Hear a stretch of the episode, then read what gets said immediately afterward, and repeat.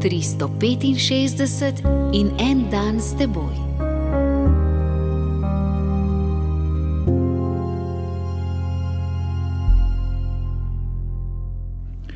Iz knjige Pregovorov, 18. poglavje, 7. vrstica. Norcu so njegova usta v pogubo, njegove ustnice so past za njegovo življenje. V dobi televizije se zdi ta svetopisemski pregovor nekaj, kar spada v arheološki muzej. V pogovornih oddajah, intervjujih, pa tudi v televizijskih dnevnikih doseže uspeh in povečuje gledanost tisti, ki strelja največje kozle, ki govori nesmiselne, nezaslišane in nikoli slišane stvari, ki vzbujajo začudenje.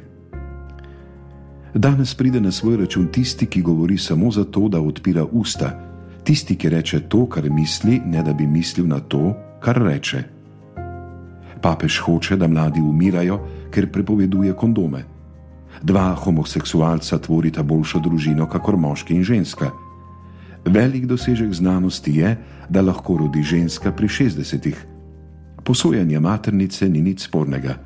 Kdor zahteva splav, zagovarja življenje. Izmenjavati si zakonske žene in može koristi zakonski ljubezni. Sliši se vse mogoče, vse do skrajne neumnosti. Kaj pa je v tem slabega? In tistega, ki poskuša ponižno ugovarjati, utišajo kot nestrpnega, nazadnjaškega pobožnjaka.